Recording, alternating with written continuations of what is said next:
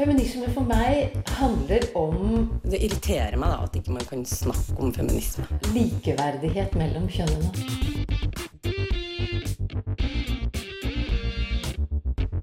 Det blikket på kvinnen på film. handlet det om å bli tatt på alvor som jente. Du hører på Et eget rom på Radio Nova. Visste du at i Russland så er 456 yrker ulovlig for kvinner å jobbe i? Og at kvinner i en rekke andre land faktisk mangler muligheten til å skaffe seg egne identitetspapirer? Og forskning det viser også at vi heller vil ha en sjef som heter Howard enn Heidi. Hvorfor er det sånn?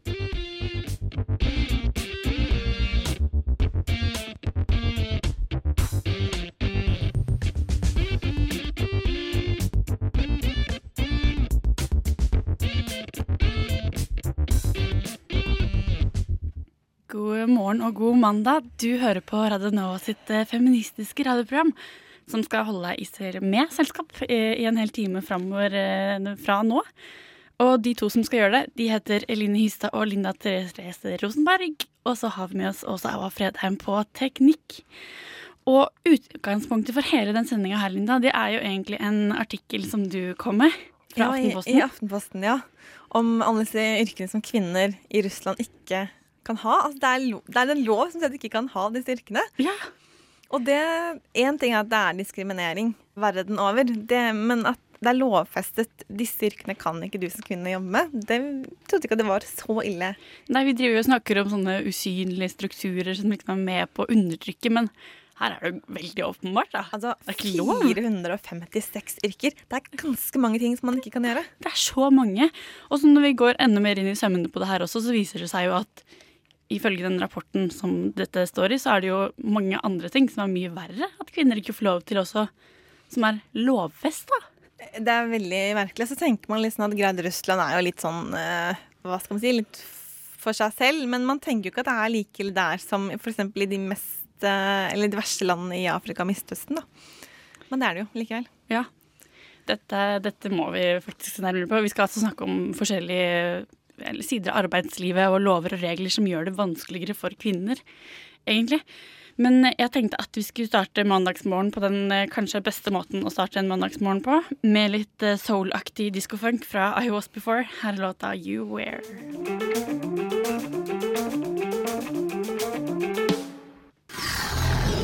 Radio Nova, FM 99,3 og radionova.no.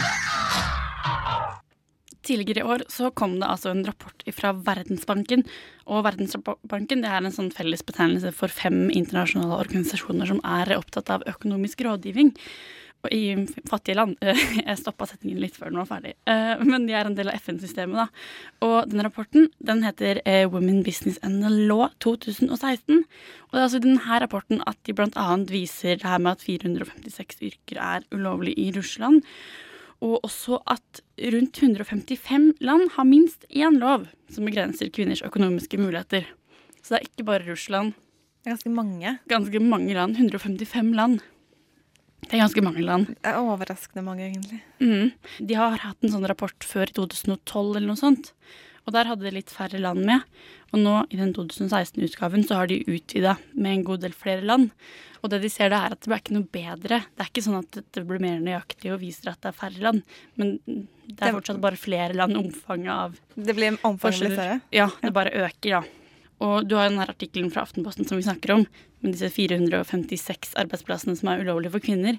Der er det bl.a. ulovlig å være fisker og sjøkaptein, togfører og feier og alt mulig sånne her ting.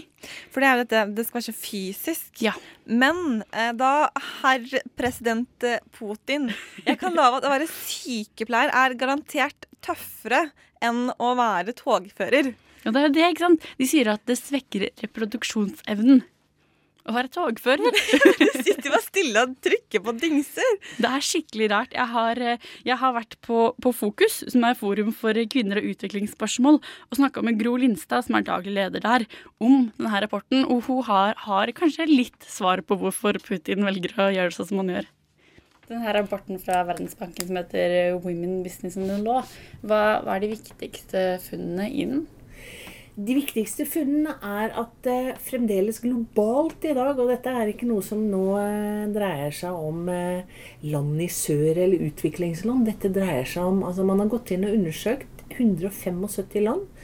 Og i over 95% av disse landene så fins det minst én lov eller regelverk som diskriminerer kvinner på en eller annen måte. Og det går på alt fra muligheten til å få eget pass uten at eh, ektefelle eller eh, mann i familie skal godkjenne det. Åpne egen bankkonto, åpne egen næringsvirksomhet, eie eiendom, arverettigheter, alt mulig sånne ting. Så, så den viser på en veldig god måte at selv om vi sier at eh, likestilling er viktig, så er det veldig mye av det formelle, strukturelle som gjenstår.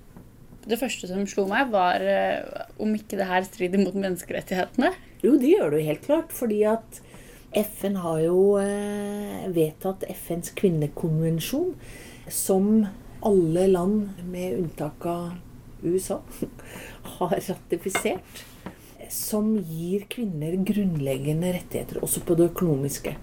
Så, så, dette her er klart et menneskerettighetsspørsmål som jo også flere enn Verdensbanken er opptatt av. Verdensbanken er jo opptatt av dette ut ifra en sånn økonomisk perspektiv også, fordi at man ser viktigheten av å ha kvinner inn som del av arbeidsstokken i ulike land. Vi fra sivilt samfunn er vel de som mer sitter og ser på dette som et menneskerettighetsspørsmål. Hvilke land er det som har de strengeste lovverkene? Jeg tror det er vanskelig å, å, å eh, peke på noen land, men, men du, altså, vi trekker selvfølgelig umiddelbart mot eh, noen av gulfstatene. Altså Saudi-Arabia, Qatar, en del av disse landene som har veldig manglende rettigheter for kvinner i det hele tatt. Altså Jf. Saudi-Arabia, hvor kvinner ikke engang har lov til å kjøre bil. Saudi-Arabia også, hvor kvinner kan ta utdanning, men hvis kvinner skal jobbe, så må de jobbe på definerte arbeidsplasser hvor det bare er andre kvinner. Og, og man har jo også satt opp sånne små byer eller bedrifter hvor det bare er kvinner som jobber. Så, og det skaper du ikke nødvendigvis god vekst av.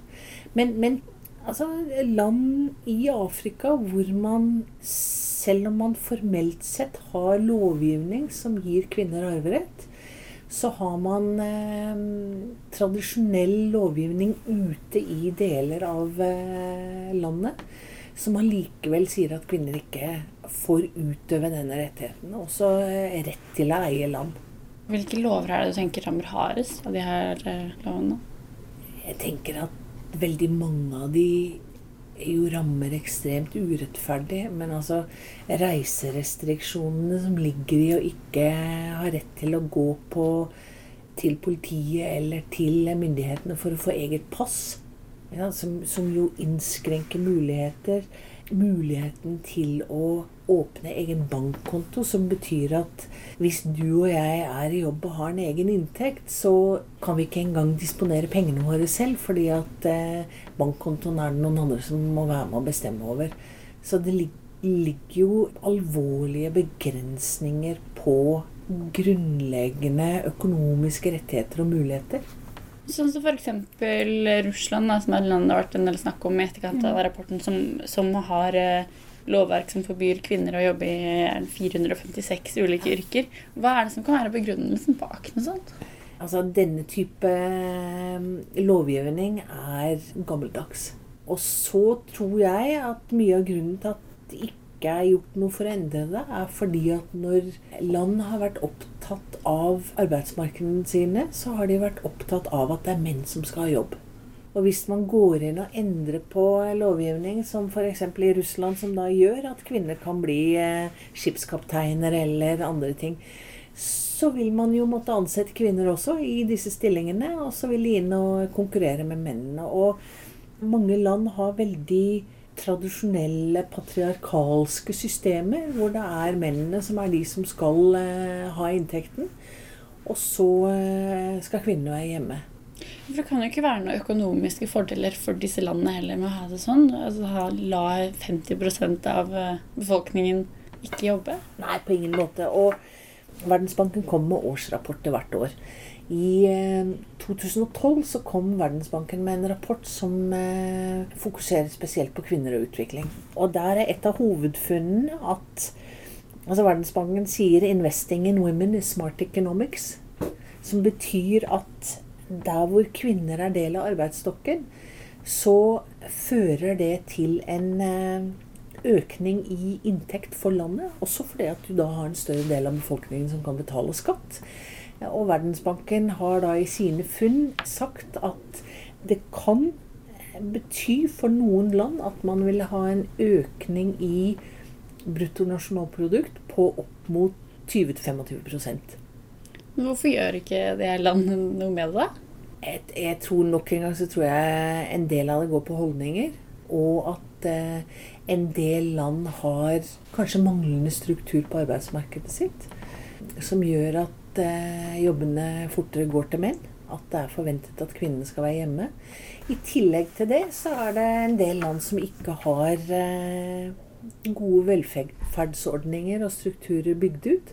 Hvis vi går bare og ser på Norge, hvor nå hva er det? Jeg tror 75% av norske kvinner er i fulltidsarbeid. Men grunnen til at vi kan være det, er jo også fordi at det norske samfunnet har vært opptatt av at man skal bygge ut velferdsordninger som eh, barnehager, eh, fritidsordninger, strukturer som gjør at det faktisk er mulig for eh, mer enn én i familien å være i jobb. Og så har du i tillegg gode sykelønnsordninger, pensjonsordninger, og det er strukturer på plass. Så betaler alle skatt. I en del land så er det fremdeles en utfordring med at man ikke har gode skattesystemer, og som gjør at eh, man ikke får gode nok inntekter til å bygge opp velferdssystemer. Jeg tror det hjelper at det er satt fokus på generelt, at det påvirker de her landene. Ja, det tror jeg. Og så tror jeg også at vi nå må eh, litt sånn langsiktig se på det trøkket som nå er på at også jenter skal ha utdanning.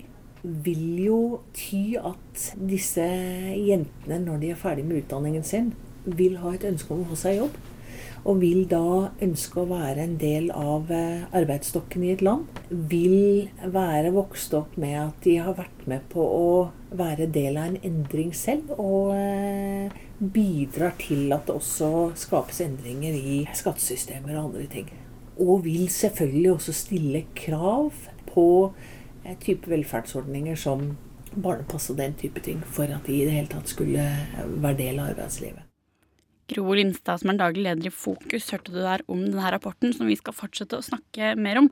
Men aller først litt eh, musikk fra Oslo, halvparten og Lulu Rivers.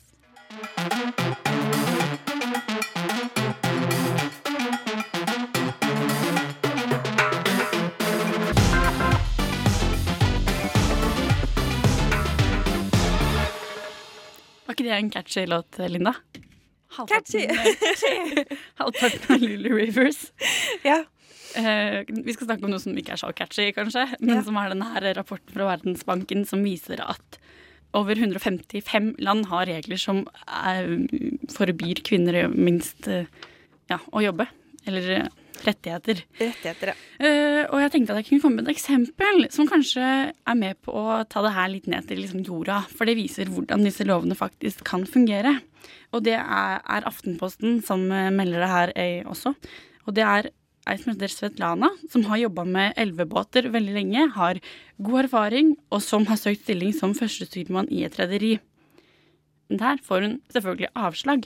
Og begrunnelsen for det her avslaget er at det å jobbe på et rederi for en kvinne, det kan skade reproduktive muligheter. Fordi de høye lydene kan skade kvinnekroppen. Og det er jo ikke bare et eksempel, det er et ekte tilfelle, da. ja. Det er jo ganske vilt. Men da tenker jeg, for det har jo ingenting med biologi å gjøre. Alle vil jo høre at det her er jo bare helt veldig teit. Det er jo bare for å komme med en begrunnelse. Mm. Bare for å ha noe. Ja. Ja, for det som skje, skjedde med Svetlana, var at hun søkte, eller hun fikk gratis advokatbistand hos et antidiskrimineringssenter i Russland. Men det hjelper jo ikke noe det når lovverket er sånn som det er. For når hun gikk til domstolene med det her i Russland, så tapte hun alle rettssakene sine. dessverre. Men så søker hun saken inn til FNs kommissær for menneskerettighetene. eh, Og de vedtar jo at Putins regler er kjønnsdiskriminerende. Fordi at de er jo det. Eh, Det var litt sånn som hun Gro Linstad var inne på også. Det her strider jo mot menneskerettighetene. Det er ikke lov å holde på sånn. Men det er jo interessant at de skiller på at eh, hun ikke kan produsere flere barn. Fordi akkurat det her eksempelet med Svetlana er at hun hadde jo barn fra før av. Og det, hvis jeg husker riktig, så var det grunnen til at hun begynte å jobbe med elvebåter i utgangspunktet. Hun måtte forsørge barna sine. Så hun skal ikke ha flere barn. Og så sier de ja, men du kan ikke få flere barn hvis du jobber som kaptein, så derfor kan du ikke jobbe som kaptein. Så det er veldig lite sånn skjønn. Det er ikke noe hold i det her Nei. i det hele tatt. da. Jeg syns jo også at, eh, at det er ganske klar tale fra, fra FN sine domstoler som sier at det finnes ingen vitenskapelige bevis for at denne jobben er skadelig for en kvinnes reproduktive helse. Men det gjelder vel generelt når man skal begrense kvinners handlingsrom. Så skylder man jo på sånne typer ting, at kvinner er ikke i stand til det, eller det kan skade kvinnen. Jeg bare ser for meg denne forferdelig sarte kvinnen som sitter på en sånn pute på en slags eh, forsiktig stol og bare må være veldig forsiktig fordi hun skal reprodusere. Og det som er så typisk i Norge, at man, da sitter man og fokuserer på hvor tungt f.eks. husmorarbeid er. Da, eller sånn husarbeid. Nå er det ikke husmor lenger. Men det er fremdeles flest kvinner i veldig mange familier som gjør mest husarbeid. Eh, og det må man bort fra, fordi det er så tyngt. Eller tungt. Men det tenker man ikke på tydeligvis da, i andre deler av verden. Eller, ja. Og hvis man er så forsiktig med disse reproduktive mulighetene, da bør man forby kvinner å gå med mobil i lomma eller menn å være i nærheten av strålinger. Er ikke det liksom nesten mer eh, Farlig. praktisk? Ja, Ja, skulle nesten tro det. den veien man bør gå. Kanskje Putin burde tenke på det. Hei. uff. Det her er Courtney Barrett og Avent Gardner. Du som er sliten og sinna og lei. Nå vil vi synge ei vise til deg om at kvinner kan si fra, protestere og slåss. Bli med hos oss. Du hører på Et eget rom. Likestilling kommer ikke av seg selv. Her i Norge så har vi jo ingen lover som forbyr oss å jobbe i visse jobber. Men allikevel så er det jo ikke sånn at, eh, så er det sånn at kvinner ofte diskrimineres mer enn menn. Blant annet så er det diskriminering av gravide det som eh, topper eh, listene. Og jeg tok en tur til Likestilling- og diskrimineringsombudet for å snakke med Klaus Jervel, som er seniorrådgiver der, om det her med diskriminering. I Norge så er det sånn at ingen har rett på å få en jobb i Norge. Det er arbeidsgiver som bestemmer hvem de skal ha. Så sånn i utgangspunktet er det arbeidsgiver som bestemmer det. Så har du et diskrimineringsvern som sier at du har ikke lov til å la være å ansette noen pga. kjønn, etnisk bakgrunn, religion. Det må være kvalifikasjoner som avgjør. Og så har du en begrensning i styringsretten i offentlig sektor. At du har et kvalifikasjonsprinsipp. Det betyr at hvis du utlyser en stilling med noen kvalifikasjoner, så er du nødt til å ansette etter det. Eller så er det arbeidsgiver som velger fritt, da.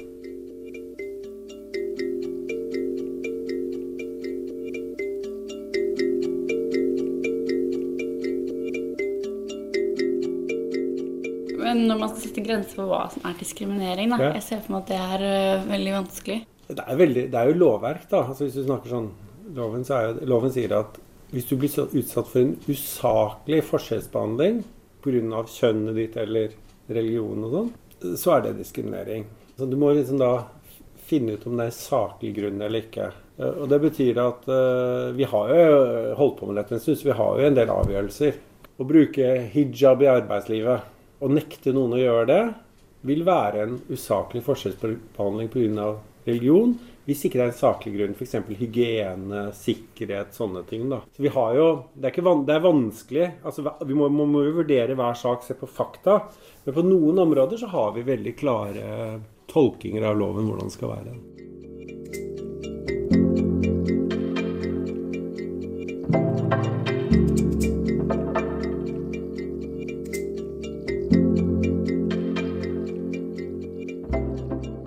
Arbeidslivet så er det to områder vi får mest klager på. Det ene er rekruttering. og Det er veldig mye sånn at folk i annonser når du utlyser stillinger, så står det ting som ikke er lov å stå. F.eks. aldersgrenser. At du bør være mellom 25 og 40 og sånn. Det er jo å si at alderen avgjør muligheten til å få jobben. Og det, det må jo være en saklig grunn til det. Og der er, vet vi at alder er jo Altså hvordan vi blir eldre eller yngre, er jo forskjellig. Eller så er det vanskelig å vinne fram med rekrutteringssaker. Det er vanskelig å bevise at du har blitt diskriminert. da. Andre vi får mye saker fra fra arbeidslivet, er jo rundt graviditet og foreldrepermisjon. Og Der er situasjonen motsatt. Der er lovverket veldig sterkt. Og veldig mange av de sakene er Der har vi på en måte et virks, mye mer virksomt lovverk. Da. Men allikevel er det altså mange, mange saker.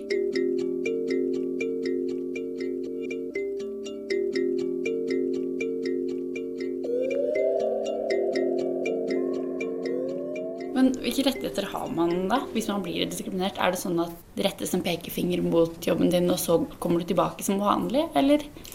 Ja, og det er jo et godt spørsmål, fordi det er jo forbudt å diskriminere noen.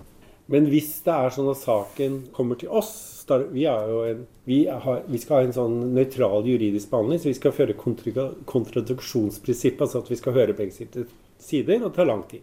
Hvis du får medhold hos oss, så får du bare et medhold og sier at vi sier at, gir en uttalelse om at du har blitt diskriminert. Da kan jo arbeidsgiveren din klage saken videre til nemnda som er overordnet oss. Og så kan de komme med en avgjørelse. Men du får heller ikke noe erstatning hvis du har blitt diskriminert. Da må du ta den til retten. Dette er jo noe vi har vært opptatt av, og som det kan bli en endring på nå. At man faktisk nemnda får sanksjonsmuligheter og kan pålegge erstatning da, og bøtelegger og sånn. Så det er, jo, det er vi veldig for. Men det viktigste er kanskje at vårt budskap er jo at vi må jobbe for at arbeidsgivere får mye mer kunnskap om diskriminering og unngår å diskriminere. For diskriminering er veldig negativt for alle involverte. Altså det er, eh, de sakene er liksom litt sånn Det er ikke noe gøy for noen involverte. Og det andre er at vi også ønsker å lære av fagforeninger og tillitsvalgte om eh, å kunne ta sånne saker. For da kan du løse det før de går for langt. Og da kan, du, da kan jo man få rettighetene uten at det blir sånne saker. da. For det hjelper jo veldig lite at du får beskjed om at du skulle hatt den jobben hvis du ikke får den. Ellers så må jeg si da bare at der hvor det har tatt i retten, så er det ganske store erstatningssummer i, i uh, diskrimineringssaker. Så det er jo, Vi vil jo anbefale at folk tar det til retten hvis de har fått medhold, men uh, det kan ikke vi blande oss i.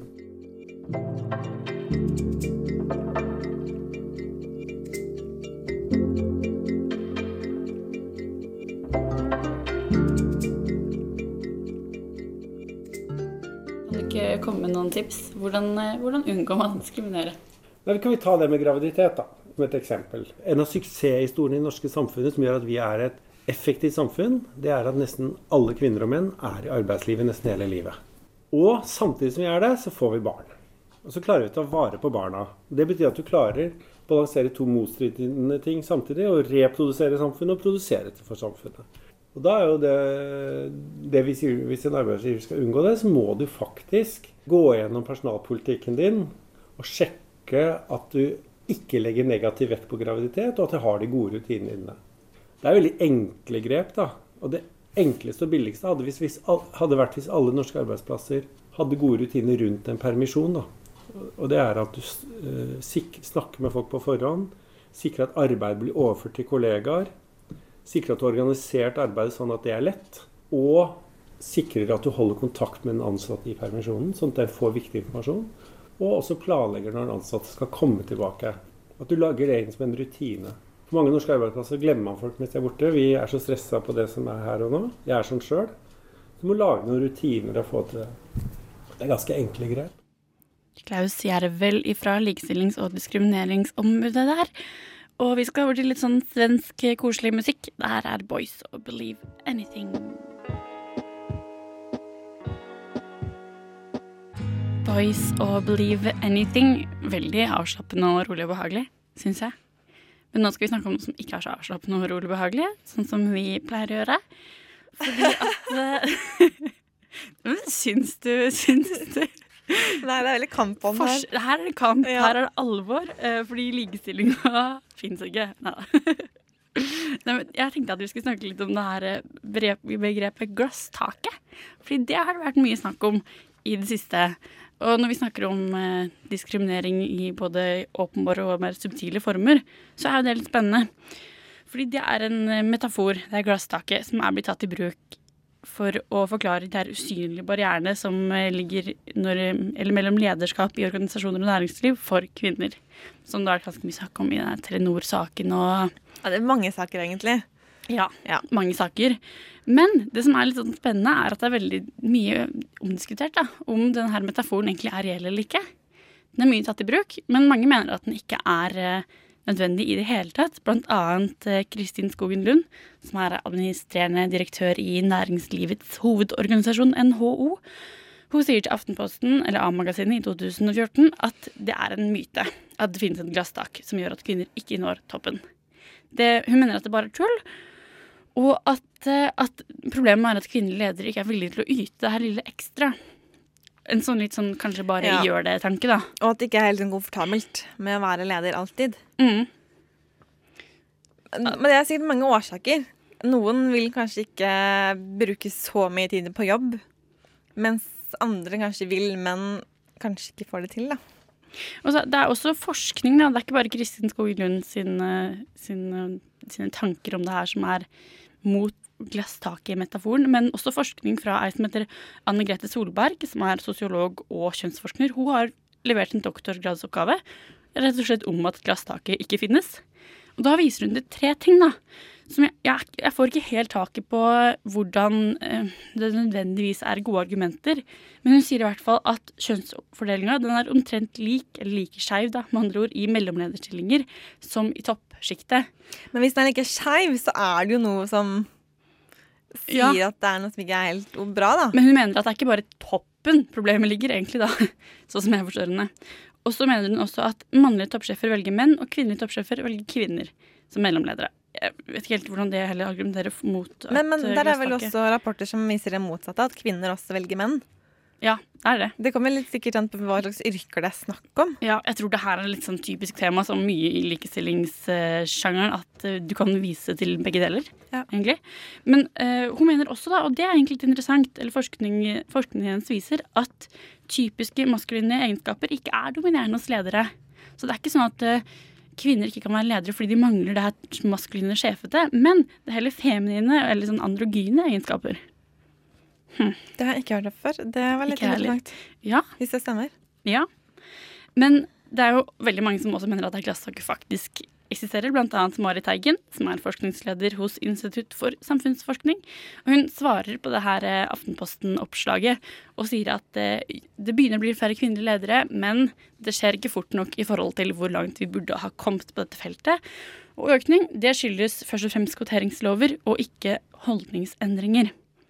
Og hun syns også at det her målet om én kvinnelig representant i styret er altfor dårlig. At hvorfor skal vi juble for det? Liksom, det er jo ikke så veldig langt å ha kommet. Og så er det forskjeller i type sektorer, da. Mm. Det er jo, hvis man bare finner et gjennomsnitt, så kan Mm. det være veldig bra. Men hvis du går på forskjellige yrker, så kan det være kjempeskjev fordeling. Ja, hun sier at det, det blir bedre i forvaltning, kirke og forskning, men i medie, næringsliv og forsvar så er det fortsatt et uh, glasstak, kan man si. Så, så det har jeg sett veldig mange som sier at eh, er litt sånn, kanskje vegrer seg litt for den metaforen. Jeg sier litt sånn glasstak, eller ikke glasstak, men det er i hvert fall et problem. Et annet, en annen ting som er et problem, som kanskje kan relateres litt til det her glasstaket, er jo at det viser seg at kvinnelige navn når man søker på lederstillinger, er en, en dårlig idé. Ja. Fordi at uh, forskning viser at man heller vil ha en sjef som heter uh, Howard enn Heidi. Vi skal høre mer om det her nå.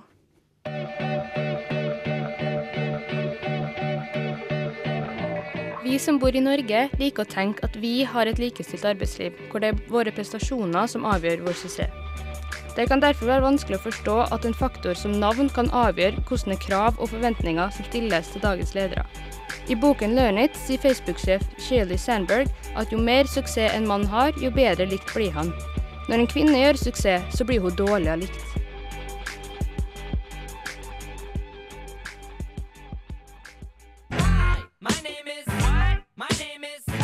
I 2003 ble det gjennomført et eksperimentelt studie på businessstudenter i Amerika kalt Howard Haley-prosjektet, som ønska å se om det var en sammenheng mellom kjønn og hvordan personen ble oppfatta som suksessfull entreprenør. Studentene ble delt inn i to like grupper og fikk fortalt den samme historien om den suksessfulle entreprenøren. Eneste forskjellen var at den ene entreprenøren het Heidi, den andre het Howard. Studentene vurderte både Heidi og Howard likt akademisk, men fant likevel forskjeller. De beskrev Howard som en kjernekar de gjerne ville ta en øl med, mens Heidi ble dårlig likt av studentene og ble sett på som egoistisk.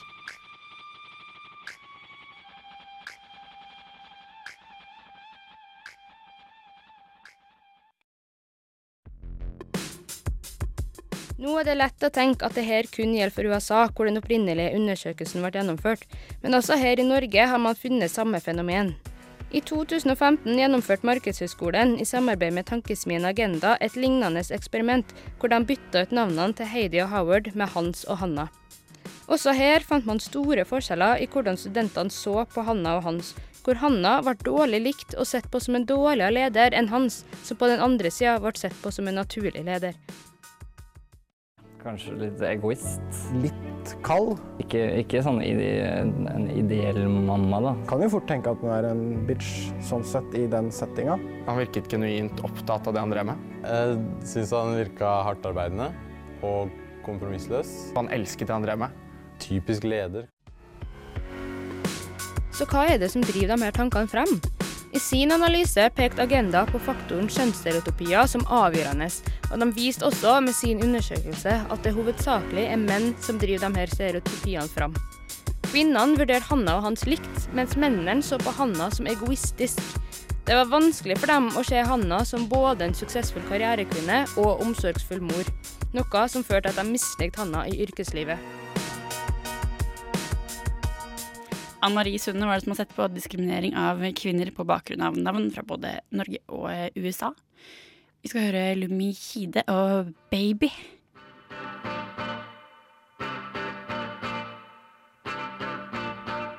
Vi er litt usikre på om bandet heter Lumi Kide eller Lumi Kide, men vi vet i hvert fall at låta heter Baby. Det er vi. Ja. Det er enda godt at vi visste det. Ja, Vi har snakka om veldig mye triste historier i dag, men vi tenkte vi skal avslutte med en litt sånn hyggeligere historie, egentlig. Ja. Siden 2008 faktisk, så har man forsøkt å utdanne kvinner i India til å bli taxisjåfører. Eh, det er ikke overalt. Det er eh, særlig tre byer, Delhi, Jaipur og Kolkata. Men i New Delhi, da, så er jo Eller India som helhet har jo blitt rangert som det fjerde verste landet for kvinner å ta offentlig transport. Og i New Delhi så er det i gjennomsnitt 40 lovbrudd mot kvinner hver dag, inkludert gjennomsnittet på fire voldtekter hver dag. Og det er veldig mange sånne sosiale og kulturelle barrierer for kvinner å gå ut alene. Og det er veldig mange kvinner som har rapportert at de er redde eh, når de skal bevege, bevege seg mellom jobb og hjem. Eh, og som de må gjøre hver dag for å tjene penger. Så Derfor så har man da satt i gang eh, Woman on Wheels for å eh, både trygge kvinner som må bevege seg ute i byrommet, men også for å gi kvinner arbeid.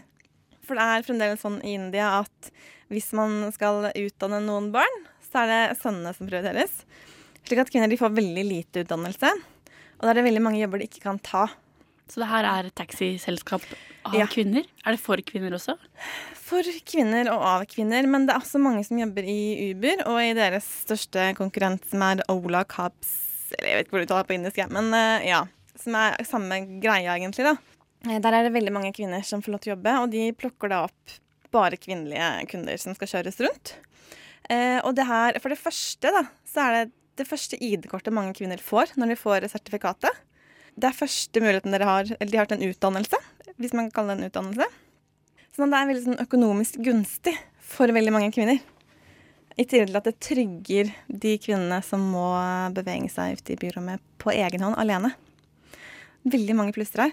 Og det som er så fint, er at eh, Uber i samarbeid med FN-gruppa for kvinner eh, det De har lovet at innen 2020 så skal det skape 1 million arbeidsplasser for kvinnelige sjåfører på verdensbasis. Dette også er en stor greie i en del afrikanske land. Og i India 50 000 arbeidsplasser. Og også denne hovedkonkurrenten har også lovet 50 000 arbeidsplasser for kvinnelige sjåfører i India innen 2020. Så bra. Så folk tar litt tak i det. Det var en skikkelig hyggelig, hyggelig Ja. historie på tampen av sendinga Jeg vet ikke hvor mange som er det i dag, men jeg har sett litt forskjellige tall. Eh, men mellom ja, si 200-300 kvinnesjåfører i dag da, i India.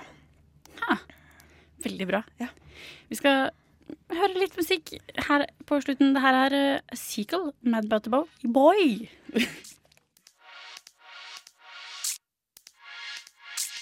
You're mad About me. You're Boy! You're mad about bad boy av Sikkel på slutten av sendinga her i dag. Linda, du, du skulle få lov til å si én Ja, setning til. fordi om disse kvinnene som kjører taxi i, eh, i India, de lærer selvforsvar. Og de lærer om kvinners rettigheter, og de lærer engelsk. Og da utvider man jo bare horisonten for disse kvinnene maksimalt. Og det gjør at hvis man er turist i India og er kvinne som ikke kan bevege seg utendørs alene, ta kvinnelig taxi. Husk på det.